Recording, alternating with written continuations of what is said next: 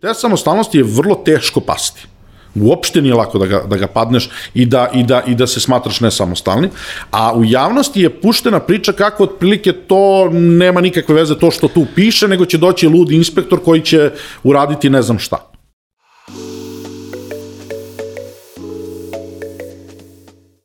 Pozdrav ljudi, dobrodošli u još jednu epizodu Office Talks podcasta. Pre nego što krenemo, a, preplatite se na naš YouTube kanal, kliknite na a, zvonce kako biste dobili novo a, obaveštenje, to je obaveštenje o novim epizodama. Takođe Office Talks možete pratiti i putem audio platformi, linkovi su u opisu. Moj današnji gost je Svetislav Kostić, Sveto, konačno, evo, dobro Konačno. Da. A, e sad, kad smo zakazali ovaj podcast, igrom slučaja, desilo se su umeđu vremenu neke stvari, ovaj podcast snimamo u ponedeljak, on će da izađe u četvrtak, do tada će već biti poznata ovaj, informacija o da kažem, novom paketu mera, novim tačkama, novom predlogu, ako tako mogu da kažem. Sad, kako to da kažem, za poreske postice, za subvencije?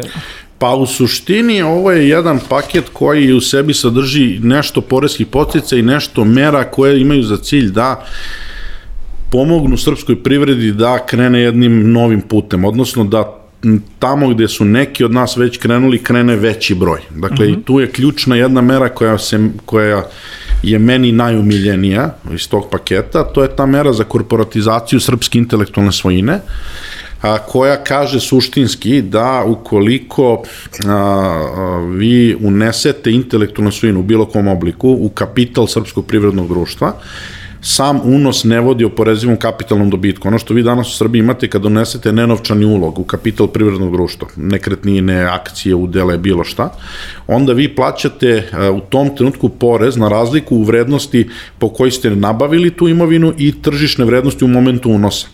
I, ono, I to je vrlo skupa stvar. Dakle, to poskuplja i poslovne reorganizacije. Ono što smo mi predložili jeste da dakle, unos a, intelektualne svojine bilo autorskih prava, bilo prava industrijske svojine u kapital srpskih privrednih društava ne vodi oporezivom kapitalnom dobitku. A, i da a, ono što je druga komponenta, dakle vi trenutno ako gledate IT sektor, mi svi znamo da IT sektor u pogledu zaštite intelektualne svojine u totalnom haosu što se tiče u Srbiji da je to tek nešto s čime ljudi treba da se suoče sa potrebom, a u stvari intelektualna svojina key driver uh, bilo IT sektora, bilo gde na, na svetu, pri čemu i ova ostala privreda, ne samo IT, takođe ima određenih problema u pogledu ranijeg izlačenja intelektualne svojine iz Srbije i tako dalje, tako dalje. I ono što smo mi teli to inspirisati nekim američkim normama da uradimo, jeste da ukoliko vi unesete intelektualnu svojinu u, srpsku, u kapital Srpskog prirodnog društva u 2022. godini, sve ono što je bilo ranije vezano za tu intelektualnu svojinu i njene poreske implikacije,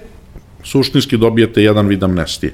Drugim rečima, vi ste domaći IT koji je vrši prodaju onoga što sam stvori negde preko nečega napolju, ali to tamo nešto napolje potpuna prazna ljuštura, a odavde ako se sve kreira u modelu srpska firma je nešto što znači, je servisni srpska, model. Srpska firma sa srpskim osnivačima, ali je zapravo registrovano u Americi i, i ne ima nešto u Americi, ali imaju svoj subsidijeri ovde u Srbiji koji u stvari... firma koja zapravo zapošljava ljudi koji rade ovde. Tako je. Da. I ako je stvarna vrednost stvorena ovde, ako ti uneseš internetu svojinu ovde u Srbiji, što ne znači da moraš da je izneseš iz Amerike. Moraš samo da je reorganizuješ i mora da ključna vrednost dolazi ovde. Naravno da ćete vi morati da zadržite svoje sale kompanije u Americi zato što jednostavno američko tržište vrlo često neće da radi ni sa kim ko nema adresu tamo i tako dalje, tako dalje, ali dakle ta jedna reorganizacija sve u cilju dakle da, da fundamentalna visoka dodata vrednost bude ovde i da ovde te pare ulaze i da dovodi do ubrzanijeg ubrzanijeg rasta. Je nešto što pre 10 godina sad smo imali primjer prodaje Nordusa, Tako je. pa su svi živi uhvatili ovaj gde se plaća porez.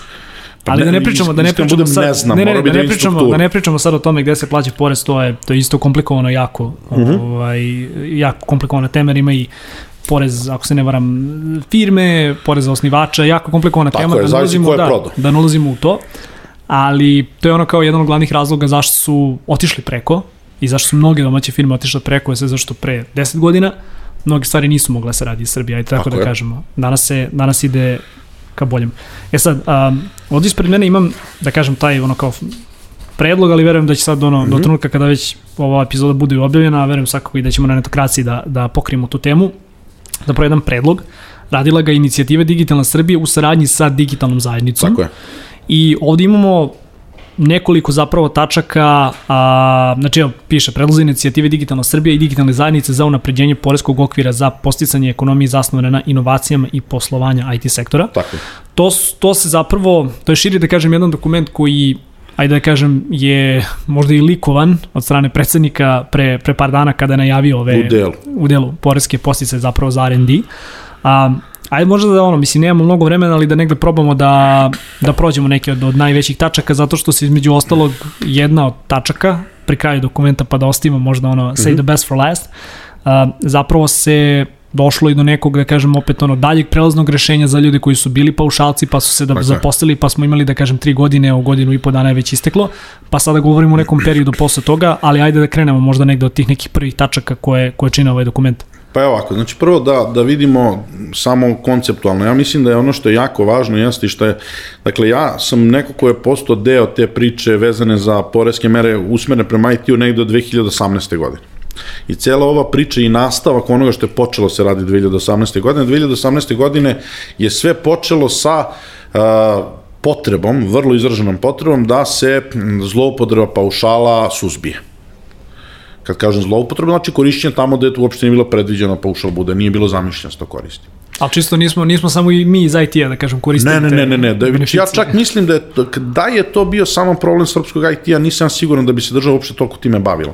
To je suviše se raširilo i postalo problem za javne prihode države. Dakle, a, tako da, da to uopšte nije bilo, kru, dakle, IT je počeo sa time, ali IT je počeo sa time zbog jednog vrlo zanimljivog razloga, I ovaj paket ima u vidu taj, taj, i taj, to smo mi već 2018. primetili. Zašto je IT to radio? Zato što je IT morao da se suoči sa jednom činjenicom da e, u IT-u vama su potrebni vrlo talentovani pametni ljudi i vi ne možete te ljude da platite sitne pare. Oni moraju da pri čemu su oni vrlo tražena roba svuda i vi onda morate na neki način da budete konkurentni, da bi ih zadržali da rade za vas. Pri čemu, to 2018. nije bilo toliko evidentno, mada da smo bili pametni videli bi više, ali se 2020 potpuno jasno videlo, to je problem freelancera, da u stvari srpska IT privreda mora za srpski talent se bori na dva fronta. Ona se bori za srpski talent prvo kada je u pitanju imigracija, dakle odlazak ljudi u inostranstvo, dakle ona se bori za te srpske zaposlene sa stranim poslodavcima, a nema toliku privlačnu moć da privuče neke druge, pokušava, ali je u slabijoj poziciji siromašnije društvo. Ali sada preko remote worka, to je freelancing, jel, se bori za srpsku radnu snagu sa stranim poslodavcima i u situacijama kada ta radna snaga i ne mora da napusti zemlju. Znači ima duplu konkurenciju. A bez talentovane radne snage srpski IT ne može da preživi. Nijedan IT ne može da preživi na planeti Zemlji bez talentovane radne snage. 2018. godine je urađeno nešto, dakle, mi smo, ja sam bio jedan od autora tog izveštaja koji je rekao da suštinski problem zloupotrebe paušala ne sme da se rešava preko kolena, da bi on ugrozio opstanak srpskog IT-a i da ako se to radi, mi moramo da postavimo temelje njegovog budućeg razvoja na drugim osnovama i da to mora da se ide postupno i mora da ide polako, plus da oni koji su to radili ne smiju da nose posljedice toga, jer su oni to radili zašto je sistem bio nesavršen i otvorio tu mogućnost. Dakle, nije to bila klasična, jasna i nedvosmislena zloupotreba, ima tu i argument, dakle, može se brani jedno i drugo, nije to baš čista situacija. I mi smo tada napravili jedan paket podsjeća na terenu poreza na dobit. To je dupli R&D odbitak, dakle da vi trošku istraživanja i razvoja u Srbiji na terenu poreza na dobit svaki dinar utrošen u istraživanje i razvoj priznate kao dva, dakle imate duplo uvećane troškove, plus ako stvorite intelektualnu svojinu, stvorite IP u Srbiji, onda je prihod koji ostvarujete poslednog tog IP-a se oporezuje posebnom porezkom stopom suštinski efektivno 3%.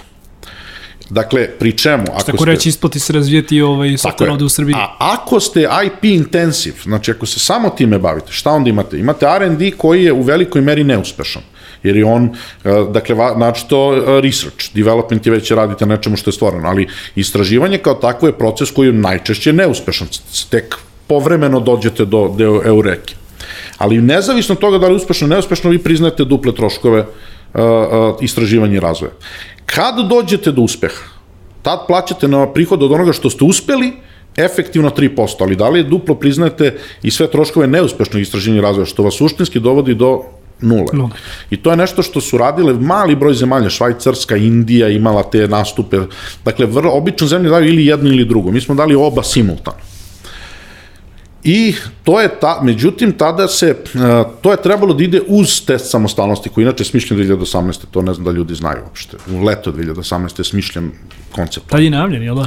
Mislim, jeste nešto kraj... Iskren da bude najavljen, najavljen je smišljen. Kraj, kraj 2018. Ne, ovo je bilo leto. Ne, nije Na leto. leto smo ga smislili. A ne čekaj, on je krenuo sa, sa primjenom 2000, 2019. Zato je on tada odložen. Da. Tada je rečeno neka, neka ne, to će da bude velike reforme paušalnog oporezivanja, šta ti ja znam, neka to ne mora sada, ali idemo s ova dva podsticaja. I tad se pokazalo da, nažalost, srpska privreda, našto u njenom IT sektoru, mada to nije samo za IT sektor, to možete u poljoprivredi da koristite za ono genetski kod krda i šta ti ja znam. Znači, bukvalno u bilo kom segmentu privrede možete koristiti. Problem se javi u tome smo mi još uvek nedovoljno jaki u tom smislu da je to, dakle, mada i vi sad, na primjer, te mere u Srbiji koristi više od 100 firmi, da, da, da znamo da su te potice primenjivali i da je troškovna osnovica za radne snage ključ i da je to biznis model. Onda je došlo do testa samostalnosti, test samostalnosti je sebi predvideo nešto što, ako se sećate, tad je Hrvatska razmatrala iste stvari, Hrvati su to manje više teli preko kolena da rade, mi smo dali jedan trogodišnji prelazni režim, i jednu normu koja je pokušavala da uzme u obzir da nije samo iznos prihoda ili obim angažovanja ključ, nego jedan broj kriterijuma. I ono što je tada bilo, to je bilo, tada je došlo do nečega što se videlo da i ova, ovo mi je jako važno, zašto su ovo iza ovoga stoji i digitalna zajednica i digitalna inicijativa, tada je došlo do jednog sukoba koji u stvari postao tema sam sebi psihološki na društvenim mrežama. Kao da je unutar, da je ta digitalna naša sredina, naša privreda ima neke sukobljene tabore koji se sad mrze između sebe, Pa bore. vidi, tako, tako izgleda. Mislim, ja ne znam, pitao sam te malo čas ovaj, za koga navijaš. Ja navijam za Partizan, ja sam, inače, da on što ti rekao, grobar srpskog IT-a i... Al, e, al vidi, um, ja sam pre neki dan, mislim, znaš kao, trudim se da ne čitam previše komentare, ali kao pre neki dan sam uhvatio čitav sub thread na Redditu, gde postoji nas pari firmi i organizacije koje se zapravo bave, mislim, pazi, mi jesmo medijska firma, znači ja sam Da. izveštam o tome kako jeste i mogu eventualno nekada da dam neki uvid u to šta mislim da je dobro, šta mislim da je loše, ali kad radiš svoj posao u smislu izveštavanja, znaš, nije to moj stav kao takav, to su neke činjenice što se dešavaju. I onda ovaj kada sam video da sam ja na tom spisku, mislim igrom slučaju sam ja ovaj neki ono da kažem kao pritajni grobar, tako da ajde Ne, nije nije bilo- to loša tu- titula. Ima tu još, ima tu još zabavnih stvari. Ja sam istovremeno sluga velikog kapitala i komunjara što malo je dosta, dosta je komplikovano kako to ide simultano, ali u suštini je zabavno. U svakom slučaju to je sve bez veze. Dakle, ovo što smo mi radili je svetski problem, ništa, to mi nismo nešto specifični, mnogo Mislim, igrom zemalja. slučaja rekao si ovo za Hrvatsku, naša ono, netokracija odande i potekla je kao imam i dalje tamo kolege, one će mi prve reći i oni će nam prvi reći da to što je urađeno tamo je bukvalno bilo klanje jednog velikog dela privrede. I ne znam da li se sećaš, vi ste imali, koja a to je, ja mislim, jedan, kad bi neko hteo da bude iskren, znači, vi ste, postoji jedan taj netokracija HR, srpska rešenja, dobar primer za Hrvatsku. Dakle, vi, mi svi znamo u medijskoj sceni kad oni kažu da odavde nešto dobar primer za To je Hrvatsku, užas, to se ne dešava. da je to nešto što stvarno možda treba saslušati da ne treba odma reći da je to katastrofa, užas i tako dalje, tako dalje. Ele, to je urađeno, međutim, tu su išle još neke mere kozmetičke prirode za privlačenje stranaca, pri čemu to je neko počeo da, na primjer za digitalne nomade, imate normu gde je neko rekao, eto sad hoće da istaraju naše, a da dovedu strance. A norma za digitalne nomade je pisana, pošto sam ja pisao, za ljude koji na teritoriji Srbije provedu do 90 dana. To je koliko, im, koliko mogu dobiju bez vize ovde da sede. I ako Da, stvaraju... sve preko toga moraju da se prijave. I ako ostvaruju prihode za nalogodavce koji na teritoriji Srbije nemaju nikakvu privrednu aktivnost.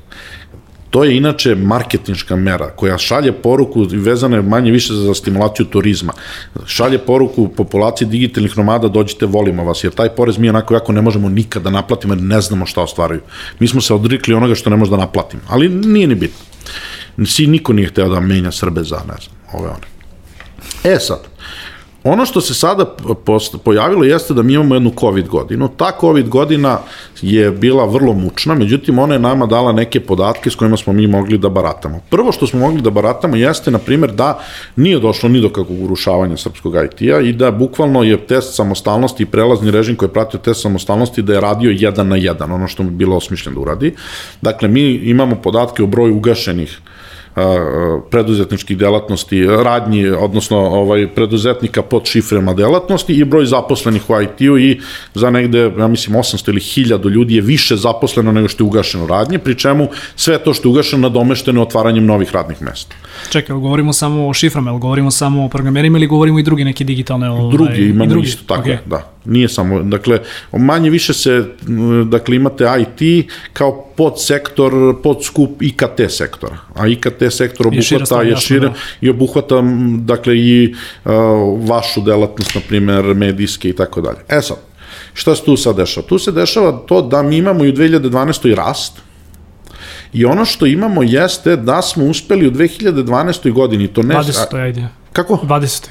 20, izvinjam 20. se, 20 imamo rast i ono što je korona, pošto đavo nikad nije crn, korona je u stvari nama kao društvu, to je, ja sam u to ubeđen, je nešto što je bilo vrlo, vrlo korisno. I nama je korona dala neke stvari koje mi nikad ne bismo mogli ni da kupimo, da smo, mi nikad ne bismo mogli da zamislimo. A to je privremeni zausta, privremeno zaustavljanje odliva radne snage iz zemlje zbog objektivnih okolnosti. Dakle, Dobro, ne imali, zato... smo, imali smo veliki broj ljudi koji se vratio u zemlju. Tako je. Da. I to je nešto što, to je jedan, peri, jedna, jedan trenutak u kojem mi možemo da stanemo, da udahnemo vazduh, zato što ovo krvarenje ljudi iz zemlje je nešto što je jednostavno ugroža biološki opstanak društva i privrede i bilo čega i da kažemo sebi, ok, šta je to što mi sad moramo da osmislimo da bi mogli da krenemo negde da, da vidimo da imamo neke šanse. Ok, I tako je kren, tako je se krenulo sa radom na ovom paketu. Prva stvar koja je tu jeste da su ovo širi problemi, da ne treba ciljati IT. Što ako vi kažete ciljam IT, ok, a što da ne ciljam farmaceute? Na primjer, u COVID godini mi možemo da izvodimo 100, 200, 300 miliona i da kupimo, ne znam, laboratoriju za proizvodnju vakcina, a mi nemamo ljude koji će te vakcine da prave. Mi nemamo farmaceute jer su emigrirali. Mi, dakle, nije, ljudi su mnogo vrednija roba. Mislim da je čak kao gomilo ljudi, ako govorimo sad ono o sektorima, mislim da je gomilo ljudi koji makar rade u IT-u i ostao ovde, nekako mi se čini, opet, nemoj niko da me, da me citira gore na Redditu, ali čini mi se da ljudi koji su u IT-u da imaju više šanse ovde na neku drugi neki, znaš, tipa arhitekte, Absolut. farmaceuti, znaš, to su, to su isto te neke ono visoko plaćene preko pozicije koje nam nedostaju ovde. Nemaš ih ono što ja mislim jeste, ja sad može neko da mi ispravi, ali stepen sofisticiranosti srpskog IT sektora i nas, naša sreća, nivo sofisticiranosti IT sektora na evropskom kontinentu je takav da ti manje više slične posle možeš dobiješ i ovde i u Nemačkoj. Ono što, gde je korak dalje, to su naravno ono, Amerikanci. Ali ti u Palo Alto ideš iz Danske zato što, ili u Seattle, zato što hoćeš da budeš tamo gde se stvari tamo je, dešavaju. Tamo ti je centar svega, ne možeš pobeći. Tako pa ćeš da odeš i čak i nevezano za pare, čisto da vidiš kako se stvari dešavaju. Elem, I tu je sad napravljen jedan, dakle, selo se da se vidi kako mi da napravimo jedan program koji će moći da bude široko koristan, dakle, ne mora samo, ne treba da silja samo IT, kako će da donese korist široj, širem društvu i kako će on da nas usmeri ka jednom novom modelu. I on ima u sebi neke, da kažemo, e, dve, tri komponente.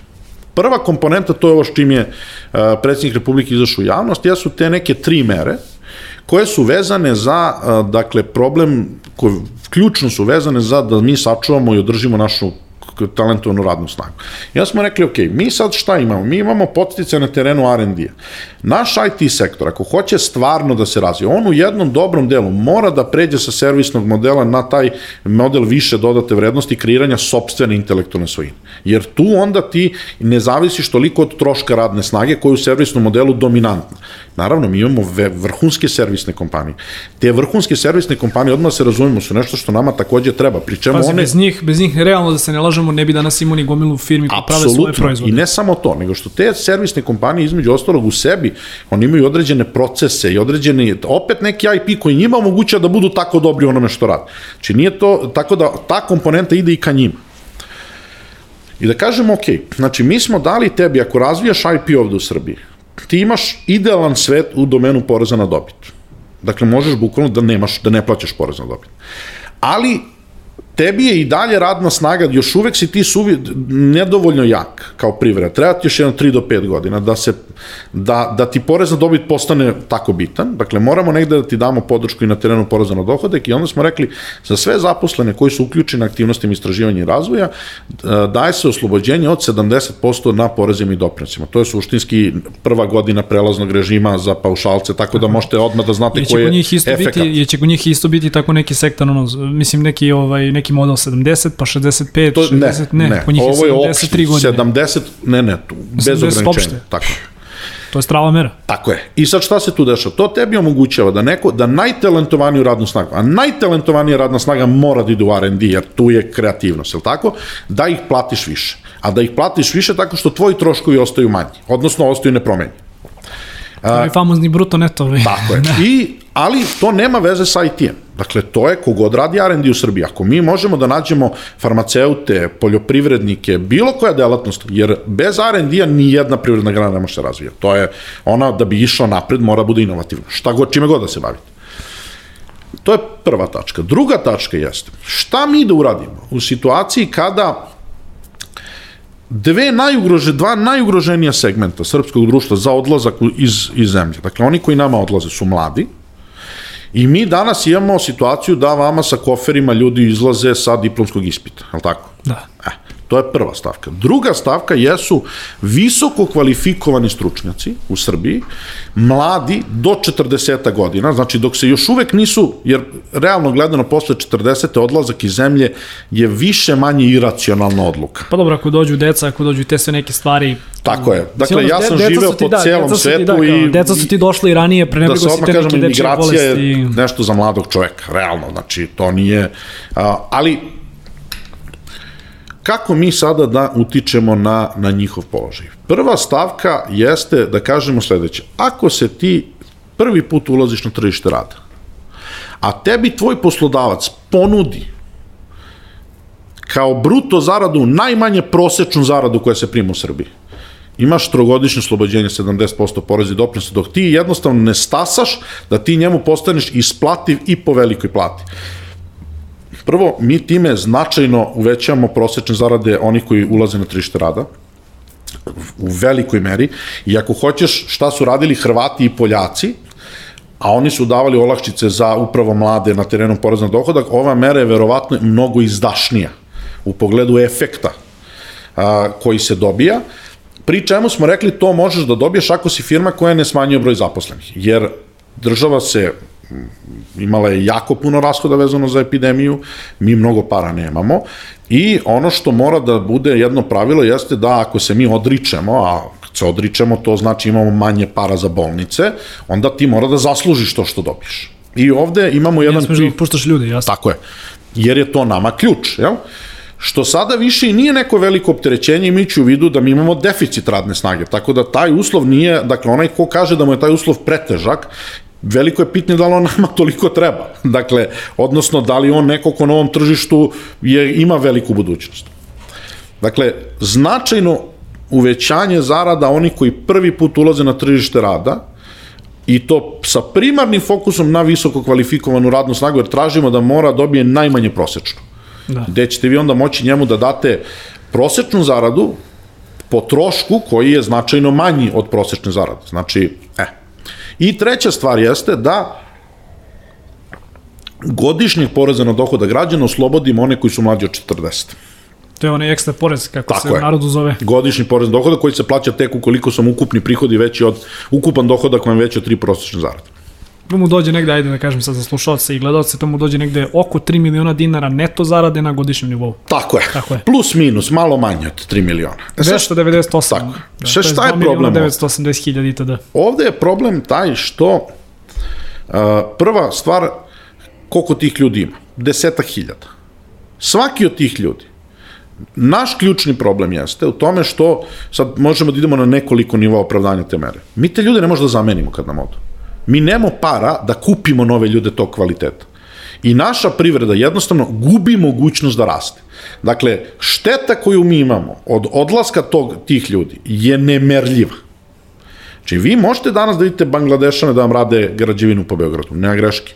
To možemo da kupimo. Njih ne možemo. Nema pare za to. Dakle, mi moramo da ih sačuvamo. Ako hoćemo da imamo šansu ka brzom ekonom i održivom privrednom rastu. To je prva stvar. Druga stvar je, decenijama u srpskom društvu vi imate situaciju koju kažete evo dobro nisi malo plaćao test samostalnosti, dogovorit ćemo se. Freelanceri, dogovorit ćemo. Šta god treba, mi se negde dogovorimo. Taksisti, dogovorit ćemo se. Tako je. Da. Ovi ljudi su radili sve što su trebali da urade, sve što smo i mi kao društvo tražili. Učili škole, učili jezike, rade kod crnci, vredni su, pametni su i još to rade ovde. I to je prva mera koja psihološki kaže tim ljudima bravo i hvala. I kaže im na poreskom obliku koji oni najviše mrze. Jer je to poreski oblik gde on mora lično da popuni uplatnicu. To je onaj koji njega ovde ujede. Da. Dakle, i ona ima svoju politi, pa, a, a, psihološku komponentu, vrednostnu komponentu i to je vrlo važno. Ima, ima. Dakle, to je vrlo važno da se ti ljudi konačno prepoznaju. Taj porez gluposti koje vi možete slušati danas u javnosti su meni, dakle ja bih volao da smo mi dobili neku konstruktivnu kritiku. Ali ovo nema ve... Dakle, to nije porez na bogate. Godišnji porez na dohoda građana je porez na srednju klasu. Zašto? Zato što 2001. godine kad je uveden, on se nije odnosio ni na kapitalne dobitke, ni na kamate, a 2005. iz njega su isključeni i prihodi od kapitala, odnosno dividende. Ako ćemo sad kao da diskutujemo o tome zašto je tako, ovaj, pozdrav za gospođu ovaj, Savić Mudrnić koja je nažalost bila u, u toj situaciji da mora lično da, da ide i da, da popunjava prijavu uz moju neku pomoć i moje neko znanje koji nije baš bog zna kako veliko, tako da apsolutno te razumem ovaj, uh, o tome što pričaš, ali kao zašto je to u medijima porez na bogate? Pa zato što ovde svako ko ima platu veću od 1000 i po evra se smatra dobrostojećim. Samo sekund. Ja neka ovo jesu dobrostojeći ljudi. Ovo Ne, ne, ne, mi govorimo, klasa. ne, ne, ne, samo da, se, da, da si ovo- ja, ovo jesu dobrostojeći ljudi, ali vidi, znači to, to nisu, mislim, znaš opet kao, koja, koja je definicija, ovo naravno, su ljudi koji su to zaradili svojim radom i svojim sposobnostima, ne zato što im nešto palo s, s Tako neba. je, ali I kad znaš mi šta, neko priča, kroz medije ih predstavljaju kao i tajkune, što da apsolutno bude, nije i istina. treba sve zajedno koji to govore da ih bude sramota. A sad ću da ti kažem zbog čega. Zato što niko od njih ne govori o činjenici. Dakle, ovo nisam ja izmislio, pročitaju zakon, piše da ako ja sutra nasledim 3 milijarde eura od moga tate, ja ću u Srbiji platiti evo ovoliko poreza na nasleđe. Dok bi u jednoj Americi ja E. platio 1,1 milijardu na ovo. Dok bi u jednoj Francuskoj ja platio 1,35 milijardi. Dok ja, ako u Srbiji nasledim dividende ili, da, izvini, udele u prirodnom društvu ili akcije, od koga god, evo ovo je porez na nasleđe. Tako je. Ako ja u Srbiji posjedujem vrednu jahtu ili, ili, ili privatni avion, porez koji ću platiti na to je porez koji je u visini malo boljeg automobila. I da ne govorimo da godišnji porez na dohoda građana apsolutno ne plaćaju najbogatiji članovi srpskog društva, jer se on ne plaća na dividende, na kapitalne dobitke na kamate. Po sili zakona. I da bi shvatio to, dakle, da bi shvatili ljudi koliko je rasprava o porezima u Srbiji nepismena. 2009. godine, dakle, Poreska uprava kad se podnesu godišnje prijave za porez na dohoda građana, Poreska uprava voli to da objavi. I onda vidimo po medijima najbogatiji Srbin, ima Srbin. toliko i e, toliko. 2000, I oni objave iz nekad i zanimanje. 2009. godine su oni objavili podatak da je za 2008. godinu čovek koji je prijavio najveći dohodak oporeziv u Srbiji po zanimanju kontrolu leta sa Voždovca. I tad su bili naslovi u novinama najbogatiji Srbin kontrolu leta sa Voždovca. E nešto nije u redu onda. Dakle, onda bi valjda neko trebao da uključi mozak i da kaže, pa čekaj, ili onda najbogatiji u Srbiji, pošto nisu kontrolori leti, to svi znamo, ne plaćaju porez jer ga utaje, ili pod B, što je inače tačan odgovor, dakle, je sistem napravljen tako da oni ne plaćaju porez. Pa optimizuju ga ako bi tako moglo da se Ne, kaže. nema ovde optimizacije. Oni ga ne plaćaju, tako piše u zakonu. Aha. Zakon kaže godišnji porez na dohoda građana ne plaća se na kamate, dividende i kapitalne dobitke. To piše, jedan nema optimizacije nikakva. I to je zapravo i najveća vrednost onoga koga bismo danas paušalno nazvali tajkunom. Ajde tako da kažemo. To, to je klasičan izvor Ne, pa to prihoda je, vlasnika to kapitala. je, to je ovo što sam ti rekao, znaš kao, ljudi sa malo bolje stojećim platama, mislim, nikad pogledaš, ajde da, da uzmemo 3000, 3 miliona godišnje, to mu 2000 dođe eura. 2000 eura mesečno. 2000 eura. Mislim, okreni se oko sebe pa pogledaj koliko znamo ljudi koji zarađuju mnogo više od toga. A koji su, na primjer, prijavljeni na DOO ili šta Tako ti je. ja znam. Znaš, to, to, što ti kažeš, tih ljudi ima par hiljada. Ajde, igrom slučaju, u mom okruženju ih ima, ali kao, to nisu tekuni. Ali tih 10.000 ljudi koliko ih ima, sa inače vrlo izraženom tendencijom rasta, upravo u ovim kreativnim industrijama, to su upravo mladi, visoko obrazovani, to, je ta, to nisu vlasnici kapitala, to su oni koji sa svojim znanjem ostvaraju te dohodke, To su ljudi koji mi moramo da zadržimo. Nama ne trebaju tajkuni. Znači, tajkuni su ono, van nacionalna kategorija. Ako ima prilike za investiranje, doći će neko drugi. Nama su ovi ljudi neophodni jer oni ne mogu da budu zamenjeni. I to je prvi deo paketa u domenu poreza na dohoda građana. Ono što se videlo e, i što je jedan element e, četvrti na terenu dohodka građana, jeste ono što je vezano za, za paušal, dakle, odnosno za test samostalnosti i prelazni režim. Prelazni režim ističe, dakle, on je ogročen na tri godine. Mi smo sad negde godinu i po dana od je. kako je krenulo. Međutim, šta se desilo? Desilo se nekoliko stvari. Prva stvar je e, da pod broj 1, dakle, imali smo COVID. I dakle, vi ne možete očekujete da će doći do transformacije bilo kog sektora u COVID godini, koja je potpuno varedna po svim okolnostima. Druga stvar jeste da a, ono što je definitivno nije rađeno, nije poslata jasna poruka da mi moramo u okviru srpskog IT-a da pronađemo, ne samo IT, ali tu je dominantna izraženost, da probamo da pronađemo alternativne modele koji jednostavno, dakle, da neplaćanje poreza i doprinosa ne može da bude biznis model, mora da se, da se ovo ukalkuliše. Ali pošto ta poruka nije dovoljno jasno poslata, pošto uh, je takođe ono što ste imali, imali ste kod jednog značajnog broja ljudi zbog uh, to je do domena da se krivično goni. Dakle, uh, takvih priča o testu samostalnosti da tu potpuno onako neki... Čekaj, čekaj, čekaj, ne govoriš o ljudima koji su ono A sad da nispane opet da nekoga ispevam, stvarno mi to nije cilj, ali ne govoriš o ljudima koji su zarađivali, ne znam, 200-300 dolara na svoju neku dodatnu zaradu, govoriš o ljudima koji su ne, zarađivali ja više hiljada. Ne, ja pričam o sledećem. Pričam o tome da je uveden test samostalnosti. I ja sam, na primjer, imao do skoro dopunski rad u Deloitte u kome sam angažovan 2005. godine, gde sam ja imao kompjuter, radno mesto, plaćali mi usavršavanje, mislim, ja sam dugo godina vodio porezki sektor Deloitte i ja sam po tom odnosu bio diskutabilan da li padam ili prelazim te samostalnosti. Ponašao sam se ko da ga padam, ali veruj mi da je bilo diskutabilno. Znači, te samostalnosti je vrlo teško pasti. Uopšte nije lako da ga, da ga padneš i da, i, da, i da se smatraš nesamostalni. A u javnosti je puštena priča kako otprilike to nema nikakve veze to što tu piše, nego će doći ludi inspektor koji će uraditi ne znam šta. I onda je napravljen uh, ono uputstvo za primjenu, koji ima 100 strana, i onda sam ja to merio, da bi čisto ljudi videli neki od tih internet gurua i, i komentatora, na primjer, izađe, pravilnik izađe, sad lupam vreme, u 5, u 5 i 9 minuta se izlazi sa komentarom o ovo je katastrofa. Kako si pročito 100 strana za 9 minuta? To je nemoguće. Dakle, ti, ti daješ komentar nešto što nisi pročito, nego onako. To je jedan negativan diskus, ali puno ljudi ušlo u paniku zbog toga i puno ljudi ne veruje, a, nema dobru stručnu podršku, nema dovoljno ljudi koji su ovo razumeju na nivou računovođe ili oni koji pružuju usluge u domenu poreza, i vrlo često se tu neznanje i prikriva time što kažeš nekom, ma to je katastrofa, a u stvari ne znaš o čemu ga savjetuješ.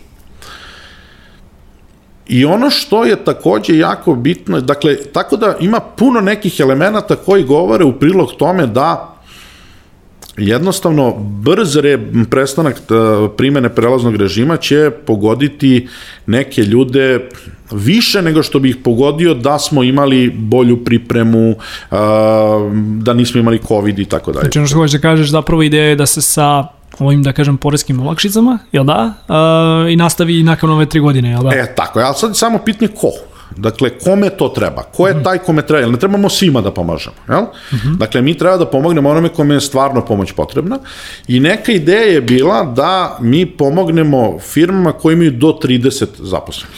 Dakle, to je, kada gledamo brojčano, to je otprilike pola srpskog IT-a. Dakle, to je skoro sav IT van velikih urbanih centara, jer to su van velikih urbanih centara, to je to, i da se njima da produženje još tri godine. Ali samo za one koji su već u tom režimu, ne može ni, za koga novog. Dakle, to je jedno rešenje koje omogućava da a, jednostavno ne možeš da koristi taj, taj režim za, za, za dalji, ne možeš na njemu da gradiš dalji rast, ali dobit ćeš još jedan do, značajan vremenski prostor da zadržiš istu ili sličnu Za ljude koje si već, koje si već angažovao na taj način da, je. da ostanu S tim tu. što da. će se smanjivati stepen oslobođenja malo drastičnije, da bi ljudi bili svesni da to posle te tri godine, dakle to će onda biti šest godina, jednostavno neće biti, neće biti dalje moguće, tako da će značajnije da se smanjuje, da se smanjuje iznos oslobođenja, ali ja mislim da će za njih to biti biti veliki iskorak, znači kad se uzme u obzir sa svim ovim ostalim. A, Vidi, rekao bih to samo ako mogu, ovaj, mm. pošto ja sam, na primjer, jedan od tih što je uzao olakšicu i kao i mene lično ovo zanimalo, mislim, pre, pre nego što sam saznao da će se ove mere objaviti, jedan od razloga zašto sam te izvao jeste da popričamo o tome šta dalje, šta nakon, pa evo, šta nakon tri, tri godine. još tri godine da. a, za one koji su do 30 zap, koji imaju do 30 ljudi, da. a, s tim da a, ono što je ranije bilo da možeš da nosiš sa sobom olakšicu, Sad ne možeš. to ne može. Znači, Znači, ostaješ, ostaješ u toj tako firmi, je. da. Drugim rečima, dakle, oni ljudi koji su t- koji su dobili pravo na taj podsticaj, mogu da nastave da ga koriste još tri godine, s tim što, na primer, ako i, hoćeš da uđeš, ako to i tog čoveka zaposliš na aktivnostima R&D-a, podsticaj za R&D ti je mnogo isplativiji nego, nego ovaj za prelazni režim. Dobro. Ako- Da postanemo istraživači, nema šta. Dakle, uh, ali, dakle, imamo ne samo ovo za one koji mogu sebi da priušte da budu istraživači, to ne mogu svi, nego imamo i još ovih tri godine. Ono što srpska privreda generalno mora da skapira, naročito u ovom domenu IT-a i mislim da to je da je vreme kada smo mi bili jeftina radna snaga odavno prošlo i mi ne možemo da se merimo, ok, primjer radi ljudi ne kapiraju eh, sad ovo za freelancer, U martu mesecu 2021. Pakistanska porezka uprava je započela postupak nad 75.000 ljudi koji su tokom zadnje dve godine u zemlji uneli pola milijarde dolara preko samo pionira. Znači, tako da freelancing problem je, m, uopšte nije srpski problem, to, to bude globalan laština, problem. globalan problem. E sad, ali ono što ljudi ne kapiraju jeste da u COVID godini budžet Pakistana, koji ima preko 200 miliona ljudi, za zdravstvo je 60 miliona dolara. Videli smo, ostalo, ne- mislim, videli smo veoma... nema veoma, zdravstva. Videli smo veoma jasno šta se desilo sa njihovim zdravstvenim sistemom, nema, nema mesec dana. Tako je. Znači, nemaju zdravstvo. I onda, a mi imamo. Dakle, mi imamo troškove o kojima moramo da razmišljamo. Tako da, dakle, u svakom slučaju, mislim da je ovaj kompromis koji je napravljen vrlo bitan, mislim da je on bitan zato što omogućava prvo da šalje jasnu poruku velikima kuda treba da idu, dakle da treba da idu na biznis model veće dodate vrednosti, što i njima na kraju krajeva odgovara, to jeste teže, to jeste zahtevnije, ali imajući u vidu šta se dešava u Ukrajini, u Rusiji, na Filipinima, u Pakistanu, u Argentini, u Keniji i drugim zemljama koje takođe imaju dosta obrazovanu, kvalifikovanu radnu snagu, koje govori engleski i košta mnogo manje nego srpska, mi jednostavno konkurentno moramo da idemo u tom pravcu. Zato što u suprotnom poješće nas. Mislim, znaš šta, upravo si to što kažeš da, da su ovde negde skočile plate. To se veoma jasno vidi po, po platama ne samo programera. Ovaj, imamo čak i neke primere iz, iz nekog mog bliskog okruženja gde su, znaš kao, strana je firma, ali zapošljava ovde u Srbiji, ovde imaju su registrovano DOO, ali imaju tipa, ne znam, i u Španiji, gde su lupom eto u Barceloni, sada ljudi krenuli da se žale i da se bune, čekaj, njima se ono već godinama povećavaju plate, hoćemo i mi. Tako da nismo više jeftina radna snaga, već jako dugo. Tako je. I s te strane mi moramo da, da, da, da uvažimo te konkurentne tokove, jer hoćemo da ova industrija opstane, da raste, da bude motor razvoja, da sad, ne znam, koliko je bilo, bilo je, e, ne znam, 20-30 hiljada ljudi zaposleno u IKT u 2016. sada je 60 hiljada. Znači, to je progresivan rast koji je, ne IT, IKT ceo. E sad, u IT-u je sa 20 na 40 hiljada. E sad, dakle, to je, to je ono što nama, ali, dakle, da, ono što je jako važno jeste da se mi ne bavimo međusobnim sukobima. Zato mislim da ovo prelazno rešenje dodatno dobro. Nego da pravimo neki prostor u kome ima mesta za sve, u kome mi svi sagledavamo realnost i u kome svako dobija onoliko koliko država i društvo mogu da mu ponude, ali stvarno objektivno uvažavajući njegove potrebe. Znači ti ako imaš biznis model da angažuješ, ne znam, 300 paušalaca, ne može, zato što je to kraj, to je završena priča. Ali ako si ti neko ko je pokušao da postavi nešto u Aleksincu, i tamo nema više od e, malog broja ljudi, ok, ono, ako možeš, radi dalje, ako možeš, ono, prodaj se nekom, ali ne treba da ga ubijemo. I zato mislim da je taj, to kompromisno rešenje je nešto što je vrlo važno, i da ne govorimo samo o, o Aleksincu, to sav IT, ali to i deo IT i u Beogradu, i u Kragujevcu, i u Nišu, i u Novom Sadu. To su četiri mere na terenu poreza na dohodak. Naravno, a, one i usmeravaju malo da se izađe iz režima prelaznog režima. Jer ti ako tebe godišnji porez kači, ako si u Da. punoj zaradi, tebe je olakšica za istraživanje i razvoj kači ako si u punoj zaradi. Znači, to je ja, ide se sve ka tome da izađemo iz tog, tog, tog modela poreskog planiranja, da kažem. Druga stvar koju imamo, dakle, to je jedan aspekt, to je aspekt taj poreza na dohodak, drugi je porez na dobit. Prva, jedna je mera ovo koju sam ti rekao, legalizacija, odnosno, ne legalizacija, korporatizacija srpskog IP-a. Kako mi da ga ovde unesemo, jer on tek tad dobija svoju punu vrednost. Ono što ljudi ne kapiraju, na primjer, a, I to je nešto što je, što onako, kažem, sva sreća pa advokatura u Srbiji nije namirisala to na vreme.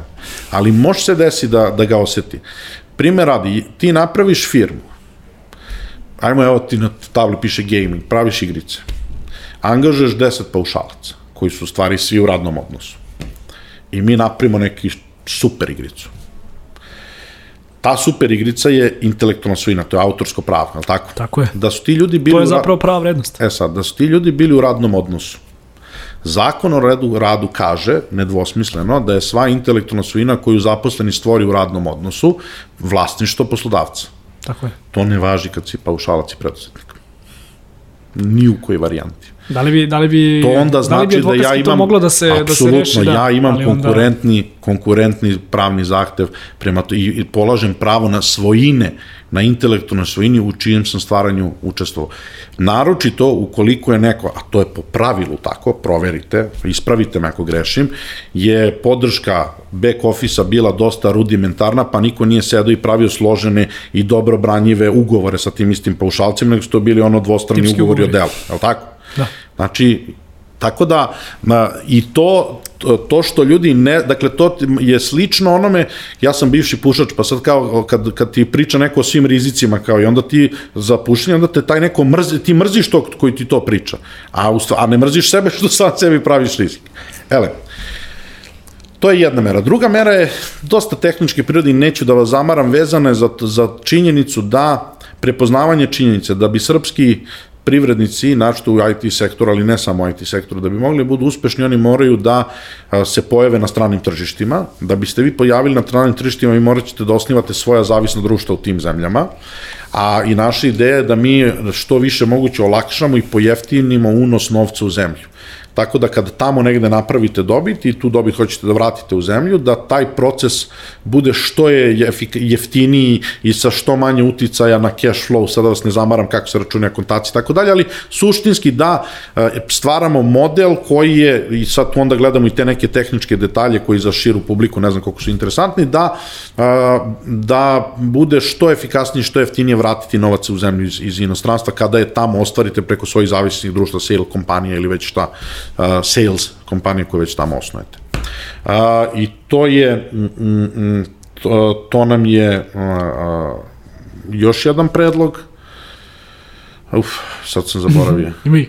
Dobro, Podsjeti me. vidi, u svakom slučaju, ono kao i za slušajuce i za gledalce, ovaj dokument, mislim što će biti na netokracije.rs, gledat ću negde da ostavim u opisu Samo da videa. vidim, da, da vidim da li sam nešto pametno zaboravio, sad moj mozak uh, počinje da U svakom strokira. slučaju, biće, biće, da kažem, link u opisu i, i audio fajla i video, tako da će moći da se pogleda. E da, ono što je što je isto bitno, to je to je to je to je važna stvar. Važna stvar jeste da se podrži da se dakle produži oslobođenje kod poreza na zarade i kod poreza na, i kod doprinosa obaveznog socijalnog osiguranja za osnivače inovativnih startupova. To je produženje mere koje je već u našem zakonodavstvu, ali ona oročena do kraja ove godine i ideja je da se ona produži. To smo sve naveli i e, prelazni režim, da. Da, Dobro, vidi, biće, biće sve okačeno, pošto nemam još mnogo vremena, znam da se zauze čovek. Ono što isto da, isto bitno jeste da se vidi uh, da se do kraja razreši pitanje onih koji uh, su misli da i te samostalnosti je nešto strašno što će proći. i da to, da. dakle da ponovo ne, uđu naš, u resistem. Znaš šta hoću te pitam? Mislim kao, jedan od razloga i, i mi, smo, mi smo se inicijalno i upoznali i povezali nakon Galebovog podcasta. Pre toga nisam znao za tebe, nisam čak ni znao da si pisao ove neke stvari i ok, ima neke stvari za koje bi možda rekao za ovo se, za ovo se slažem, za ovo se ne slažem, naravno, ok, sasvim imati svoje mišljenje, ali generalno smatram da mnoge stvari koje kažeš da imaju negde ovaj, da su utemeljene. Znaš ono, kada uh -huh. upotrebiš zdrav razum, možda kažeš, meni ovo jebi ga se ne sviđa, ali ovaj čovek što kaže, ima mi jebi ga smisla. Ono što mi nikako nema smisla jeste što ne mogu nikako ja lično da shvatim, zašto smo toliko needukovani kada su porezi u pitanju. Evo, protekle dve godine vidi, i, i on slušao sam i, i tvoje gostovanje kod Galeba, i naš slušao sam još neke druge ljude, generalno sam krenuo da se zanimam za poreze. Interesantna mi je stvar. A, zašto mi, kao srpski narod, mm -hmm. a mada verujem da je to mnogo širi problem, da, da nismo samo kod nas dosta izraženo. Ali zašto je to kod nas toliko izraženo? Jer vidi, u Americi živao sam ja tamo neko vreme, ti kada spomeneš ARS, ljudi od toga cvikaju. Znači, to ti je jedna ozbiljna institucija koja će te, ono, ako treba zatvoriti za rešetaka, zato što ti nisi platio svoj porez. I tamo nema nekog oprosta. Sad, kod nas dugo godina jeste bilo tog nekog oprosta, ima i taj drugi ovaj, uh, argument, a to je da dugo godina ti ovde nisi imao ekonomiju, pa je da kažem to nešto što se radilo ovaj, u toj servisnoj industriji ili što si radio preko neta zapravo bio jedini način da ti nešto zaradiš. Danas kada smo u tom nekom periodu tih nekih veoma vidljivih promena, pa između ostalog došle su evo i ove promene, mi konstantno i dalje zaostajemo kada je ta neka edukacija u pitanju. Pa sam ja postavio sam sebi pitanje, što ću i tebe naravno danas da pitam, čekaj, ako već učimo sinus i kosinus e, i te neke stvari što kao u životu nećemo koristiti, gde ubaciti poresku edukaciju. Kako ono uopšte izgleda, odakle krenuti? Jer vidi, naš, e, daću možda na jako glup primer, ali je primer koji je onako veoma jasno pokazuju koliko zapravo mi ne znamo ovaj, o porezima, a i generalno ne znamo kako država funkcioniše. Imali smo ovaj primjer sa freelancerima. Nemamo, nažalost, danas vremena nešto mnogo da se posjetimo tome, ali ide da kažeš da je ta priča isto tako završena, ali ono ključna rečenica, znate, mi smo išli na šalter i pitali. Šta god ti ja mislili o tome da su oni radili, da nisu radili, da su ovakvi ili da onakvi, generalno ne mislim da su loši ljudi, ali su sve to našli u problemu, ta ključna rečenica, mi smo išli na šalter i pitali i nama su rekli, dogod mi nastavimo da razmišljamo tako, mi nećemo imati nikakvu šansu da se izborimo i da budemo konkurentni na tržištu. Moje neko mišljenje, a pitanje za tebe edukacija. Pa evo ovako, znači prva stvar je, što se tiče edukacije, kada se gledaju posledice 90-ih, u pogledu svih aspekata urušavanja društva, sektor koji je najviše postradao je sektor obrazovanja. Znači, mi smo tu doživeli mnogo veći kolaps nego što smo doživeli po brojnim drugim segmentima na, našeg, našeg društva. E sad, mi smo, mi kao društvo imamo, nije toliko problem obrazovanja, a, kao needukovanost ljudi, nego ja mislim mnogo veći problem nepostojanje a, javnog mnjenja, onih, odnosno kreatora javnog mnjenja i nedostatak odgovornosti za ono što, je, što, što se kaže i treća stvar je mi smo naročito u poslednjih deseta godina zbog opšteg političkog diskursa kako je kod nas poslednja izgubili mogućnost normalnog razgovora. Da, uglavnom mi samo se svađamo i, Tako je. i vičemo jedina dakle, druga. Dakle, gde mi jednostavno, znaš, ti, ti kad, sad pazi, ti sad kažeš, ti s nekim stvarima se slažeš, nekima se ne slažeš, pa naravno. Ali pričamo ovde o njima. Ne bijemo se. Tako je. I ti ćeš reći, ok, izvini, ali ovo čemu ti govoriš, moji argumenti su taj, taj taj. Onda ja mogu da ti kažem, pa znaš kako, Marko, ovaj prvi ima smisla. Nisam se setio. Ovaj drugi pada u vodu. Ovaj drugi, evo reći ti šta ja mislim da. o tom.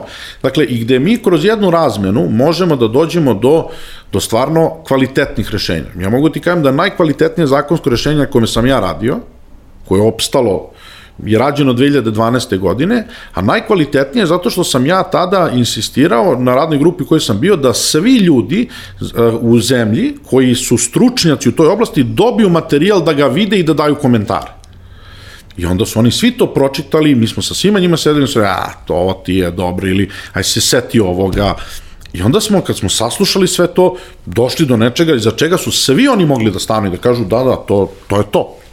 Ovaj, uh, Dakle, mi treba da imamo jednu mogućnost normalnog razgovora. Druga stvar je, vi kad pogledate javno mnjenje u Srbiji, dakle, ne znam, ja sam skoro, evo sad, pri čemu sam ja sve samo nepoklonik režima, da se odmah razumem.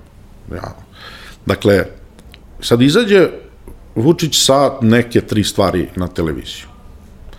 I vi tačno vidite da će jedni mediji da viču kako je to, ne znam, otelotvorenje genija, a na drugima će da puste bilo koga, iako taj neko nikakve veze nema s porezima, nikad se njima nije bavio, koji će da krene da priča nešto jer ne znam, ima titul i spreman je to. Dakle, mi nemamo, to je ključni problem. Mi jesmo društvo koje je jako polarizovano Tako pre je. svega. Po pitanju, znaš, ono mi sjeo kad, na početku kad sam te pitao ovaj, za koga navijaš. Znaš, uvek smo se delili Tako četnici, partizani, crvena zvezda. non stop da. nešto. Dakle, moramo da naučimo prvo da razgovaramo i moramo da prihvatimo za neke stvari da kažemo, ok, ja ovo ne znam, ajde da sednem da naučim. Da. Znači, vi ste imali kod freelancera priču, neko je pustio buvu o retroaktivnosti. Nema veze s mozgom. U zakonu, mislim, Ma nema, kada ne, pogledaš zakonski nije pada, retroaktivno. Pada na prvoj godini pravnog fakulteta. Ko, ko je priča od pravnika, bilo ih je, da je to retroaktivno, treba da vrati diplom, treba ga bude sramota. Dakle, a bilo ih je solidna količina. Ali vi onda, i onda ja ne mogu da osuđujem ljude koji nisu pravnici koji kažu pa čekaj, jeste retroaktivno. Evo rekao je taj taj. Šta je, nije kriv on koji u to veruje. Ono što bi mi trebali da radimo prvo jeste da počnemo nekoliko, uh, gde će doći edukacija? Edukacija dolazi uh, u onom smislu kada vi počnete poreze da osjećate kao svoj, svoj teret. Mi smo nepismeni porezki zato što mi kao obični ljudi se porezima nikad nismo, nismo imali potrebu se baviti. Vi se zaposlite i sve vaše porezke obaveze za vas izmiruje vaš poslodavac. U vaše ime, ali za vas. Tako je. I mi uopšte, ono što ljudi ne znaju, kad ti kaže Amerikanac imam platu toliko i toliko, on ti govori platu bruto. On ti ne kaže koliko mu legne para na tekući račun.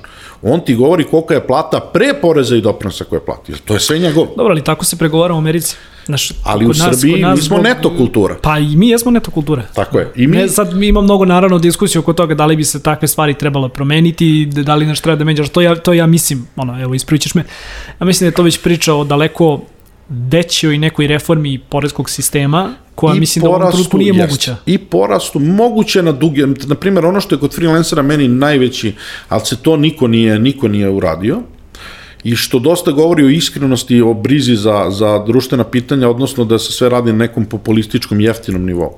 Znači, priča o freelancerima je bila idealan trenutak, jer je očigledno bilo da se videlo da vlast može da pristane na takav uslov, da se kaže, ok, Ajmo mi sada da otvorimo najširi mogući prostor za široku društvenu raspravu o velikoj reformi sistema e, oporezivanja dohodka građana i socijalnog osiguranja, da imamo jedno dve, tri godine, da uključimo najširi mogući krug društvenih faktora, pa za jedno dve, tri godine da Da osmislimo ne nešto valje. da se ne nadamo samo da ćeš da ćeš ti i ljudi koji su činili radnu grupu da nam ovaj da nam pravite nekakve modele ovaj prema kojima ćemo imati još tri godine nekog oslobađanja nego da zapravo uđemo već jednom u diskusiju ok, je. da li se slažemo da je 65% Tako kao Tako je. broj koji se relativno ovaj Kako uvek ćemo uzima finansiramo da, zdravstvo, kako ćemo finansiramo penzije, kako ćemo da napravimo ovaj model, kako ovo može da funkcioniše, šta Poreska uprava može da iznese, kad može da iznese. Dakle, ima tu hiljade pitanja i da mi onda bez mržnje, bez međusobnog prepucavanja, stvarno sednemo i pravimo nešto što je jedno dugoročno rešenje. Mi smo to dva put radili do sad u 30 godina. 91. jednom i 2001. drugi put. I nikad više. Pa mislim da nam je vreme. Vreme, apsolutni sistem pokazuje na godinu dana ako iskače nešto iz koloseka, on pokazuje da negde šlajfuje. I treba da se menja. Ali umesto toga mi smo imali urlanje, psovanje, jel? A nismo imali, ok, ajmo mi da sednemo sad temeljno, da vidimo kako ćemo, to, kako ćemo da duge staze da rešimo jedan ozbiljan društveni problem. A, I onda kroz te rasprave dolazi do edukacije. Prvo ljudi se zainteresuju. Ali i mediji bi morali kod nas, vi kad pogledate medije, evo primer, 2012. godine mi napišemo mere za suzbijanje, ja sam radio se još nekoliko ljudi, za suzbijanje izvlačenja para iz inostranstva na, iz zemlje na poreske rajeve. I to u zakonu sad zove... čuveni kipare. Ne, ne, ne, nije Kipar, Aha, nije. ovo je za, za britanska devičanska ostrava Aha, za, i tako da. S Kiprom imamo ugovor izbjeganja dvostrukog oporezivanja, ne može. A, mada bi ga ja raskinuo sutra. A, da sam držao. Dakle, ovde se radi o izvlači na poreske rajeve i to se zove jurisdikcija s preferenci poreskim sistemom. I mi, Takozvani offshore. tako, i mi tamo predvidimo poreske stope jako visoke, to je posle menjeno, ali da ne ulazim u priču zašto i kako. A onda u medijima ide i sad mi predvidimo 47% porez ako plaćaš na britanska devičanska ostrava. što je direktno, znači samo da ti poskupim izlačenje para iz zemlje nelegitimno. U novinama komentar, oni nisu normalni, hoće da upropaste srpsku privredu, uvode poresku stopu 47%, što uopšte nema veze s mozgom. Jel? Dakle, moramo da imamo malo sofisticiraniju Ali tu, znaš, kod takvih stvari uglavnom imaš kao, ili je neči interes za takav vest pusti, mislim, vrlo dobro znamo kako mediji funkcionišu, ja prvi radim u medijima i znam uvek da postoji neki pritisak, a drugo, ima i nestručnosti ljudi koji pišu. Vidi, ja sam to sad u prvom primjeru video kada se, kada se prodao Nordeus.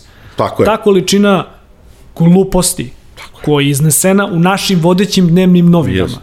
Da niko nije uzeo i makar naš ono pročito od početka do kraja prvu onu rečenicu, onaj lead Tako je. Koja je cifra po kojoj je kompanija prodata? Ne, ali ta cifra da, koja absolutno. se prva ističe nije zapravo finalna cifra. Ali kad cifra. je pitanju Nordeus, to je jedan mnogo lep primjer. Znači, da bi ti mogao da daš komentar, samo što će meni opet, ja ću sad u ovom slučaju vratno budem opet sluga velikog kapitala, da bi ti dao komentar na prodaju Nordeus, ti bi morao da poznaš elemente transakcije, ne samo cena ili kako na strukturi, nego ko je prodao, šta je prodato, jer kad se kaže Nordeus, možda je prodata firma A, možda je prodata firma B unutar holdinga, ne znaš, ne znaš ko je šta prodao, ko je prodavac, ko je ugovorna strana.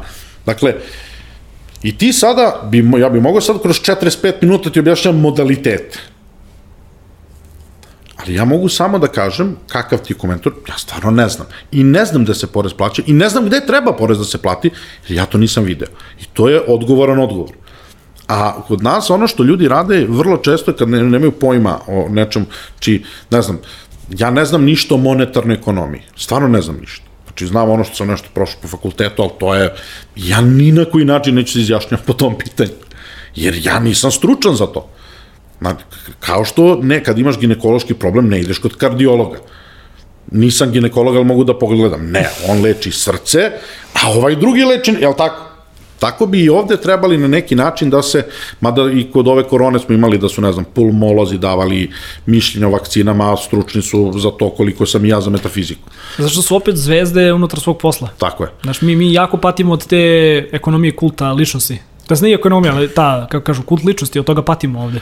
Ja pre mislim da nije stvar u tome da mi treba da edukujemo ljude o poreskim tehnikalijama, jer one mogu da budu mučni, zamorni i ne znam nigde na svetu da se neko time bavi, da kao jel, deo opšteg obrazovanja, ali definitivno mislim da bi trebali da jače pojačamo uh, ono što bi bilo, ne znam, neki vid građanskog vaspitanja u osnovnim školama i srednjim školama, da decu upoznemo sa osnovnim postulatima društva u kome žive, sa odgovornostima i obavezama koje imaju, da se ne bi iznenadili. Primer radi da znaju koja je stepen odgovornosti državnog službenika kada ga na ulici pitaš nešto. To je to, pitao sam da on nema nikakvu odgovornost i da on može da ti kaže šta god mu padne na pamet. I da se sa državom komunicira tako što odeš na pisarnicu, predaš tako dva je. primjerka i neko ti lupi pečat primljeno. Tako je. Da. A, nemaš mnogo vremena, pa evo, privodim kraju. Ovaj, još jedna stvar koja mi ovako, znaš kao, kažeš, ne treba da ih edukujemo o poredskim tehnikalijama, već o, o, o drugim nekim stvarima, ali evo daći ti jako glup primjer koji mene ovako fascinirao, šokirao raspravio sam se s jednim prijateljem, pozdrav za njega ovim putem, kao, znaš, kao, baš tu porezi freelanceri, ide mi, dođe mi.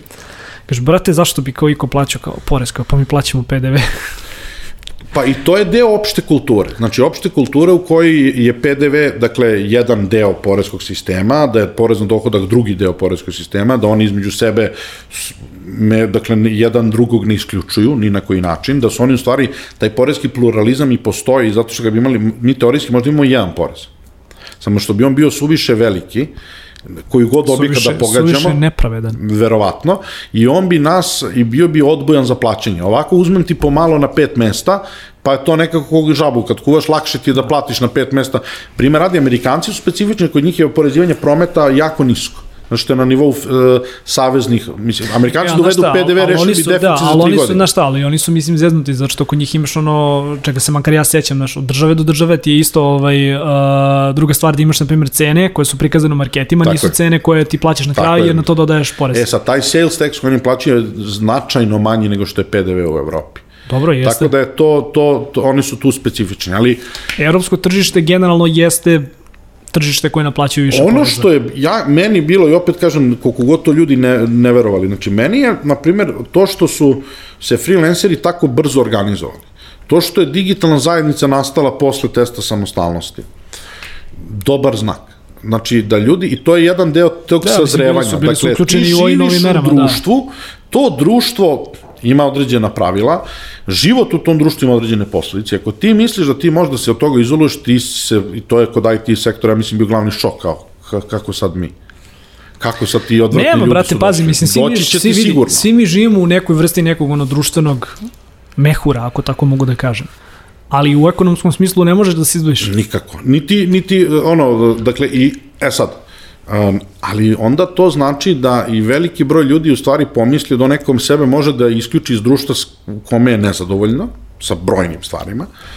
Ako si ti nezadovoljan, onda ti uzmi pa uradi nešto da bude bolje. I to je velika mudrost koju inače uh, Vuk Karadžić rekao Đuri Daničiću. Đura Daničić je napisao jedno pismo Vuk Karadžiću u kome je uh, lamentirao nad tadašnjim jako lošim stanjem srpskog naroda i društva i kako je sve strašno i sve kako je propašćemo i nema nas i tako dalje, tako dalje. Ide Vuk Karadžić njemu kaže nemoj ti, brajko moj, za narod da se brineš, nego ako svako uradi ono što je kadar, neće narod nikad propasti.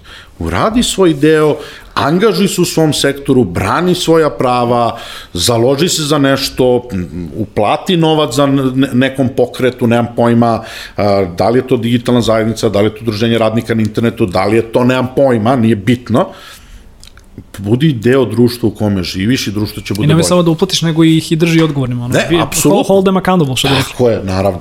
Ali, i onda ćeš biti deo društva i ako svako da taj svoj sitni doprinos, što kaže Vuk Karadžić, to društvo će da bude bolje. Ako ti misliš da sam ja kreten, onda se aktiviraj i pokaži društvu da sam ja kreten. A nemoj samo I da mi, objasni nemoj zašto samo, sam nemoj ja samo, kreten. nemoj samo na Redditu da mi piše. I da ne sam samo kreten. to, Da. nego ponudi alternativu. I reci, ovaj čovjek je idiot, bravo, mi treba da uradimo to, to, to, to, to i to.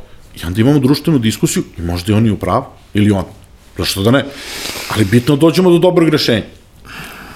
Sve to nećete dalje zadržavati. Hvala ti puno što si bio moj današnji gost. Hvala tebi i bilo mi je zadovoljstvo. A, slušalci i gledalci, toliko je nas za danas. A, više nam preplatite se na Netokraciji YouTube kanal, kliknite na zvonce kako biste dobili obaveštenje o novim epizodama. A, takođe, podcast možete pratiti na Apple podcastu, Google podcastu, Spotify, Deezeru, svi linkovi su u opisu. Toliko je od nas za danas. Sve to. Hvala ti još jednom. Bilo mi je zadovoljstvo.